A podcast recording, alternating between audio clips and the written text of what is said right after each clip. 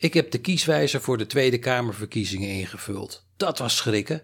De kieswijzer vindt dat ik 50 plus moet gaan stemmen. Ik wil een second opinion en vul de stemwijzer in.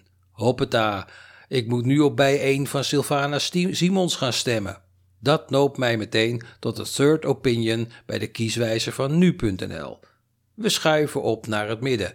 Nu.nl raadt de PvdA aan. Maar ja, dat is meteen een stem op Rutte als de partij in de regering komt. Maar de rollator blijft om de hoek kijken. 50 plus staat op 2 bij nu.nl.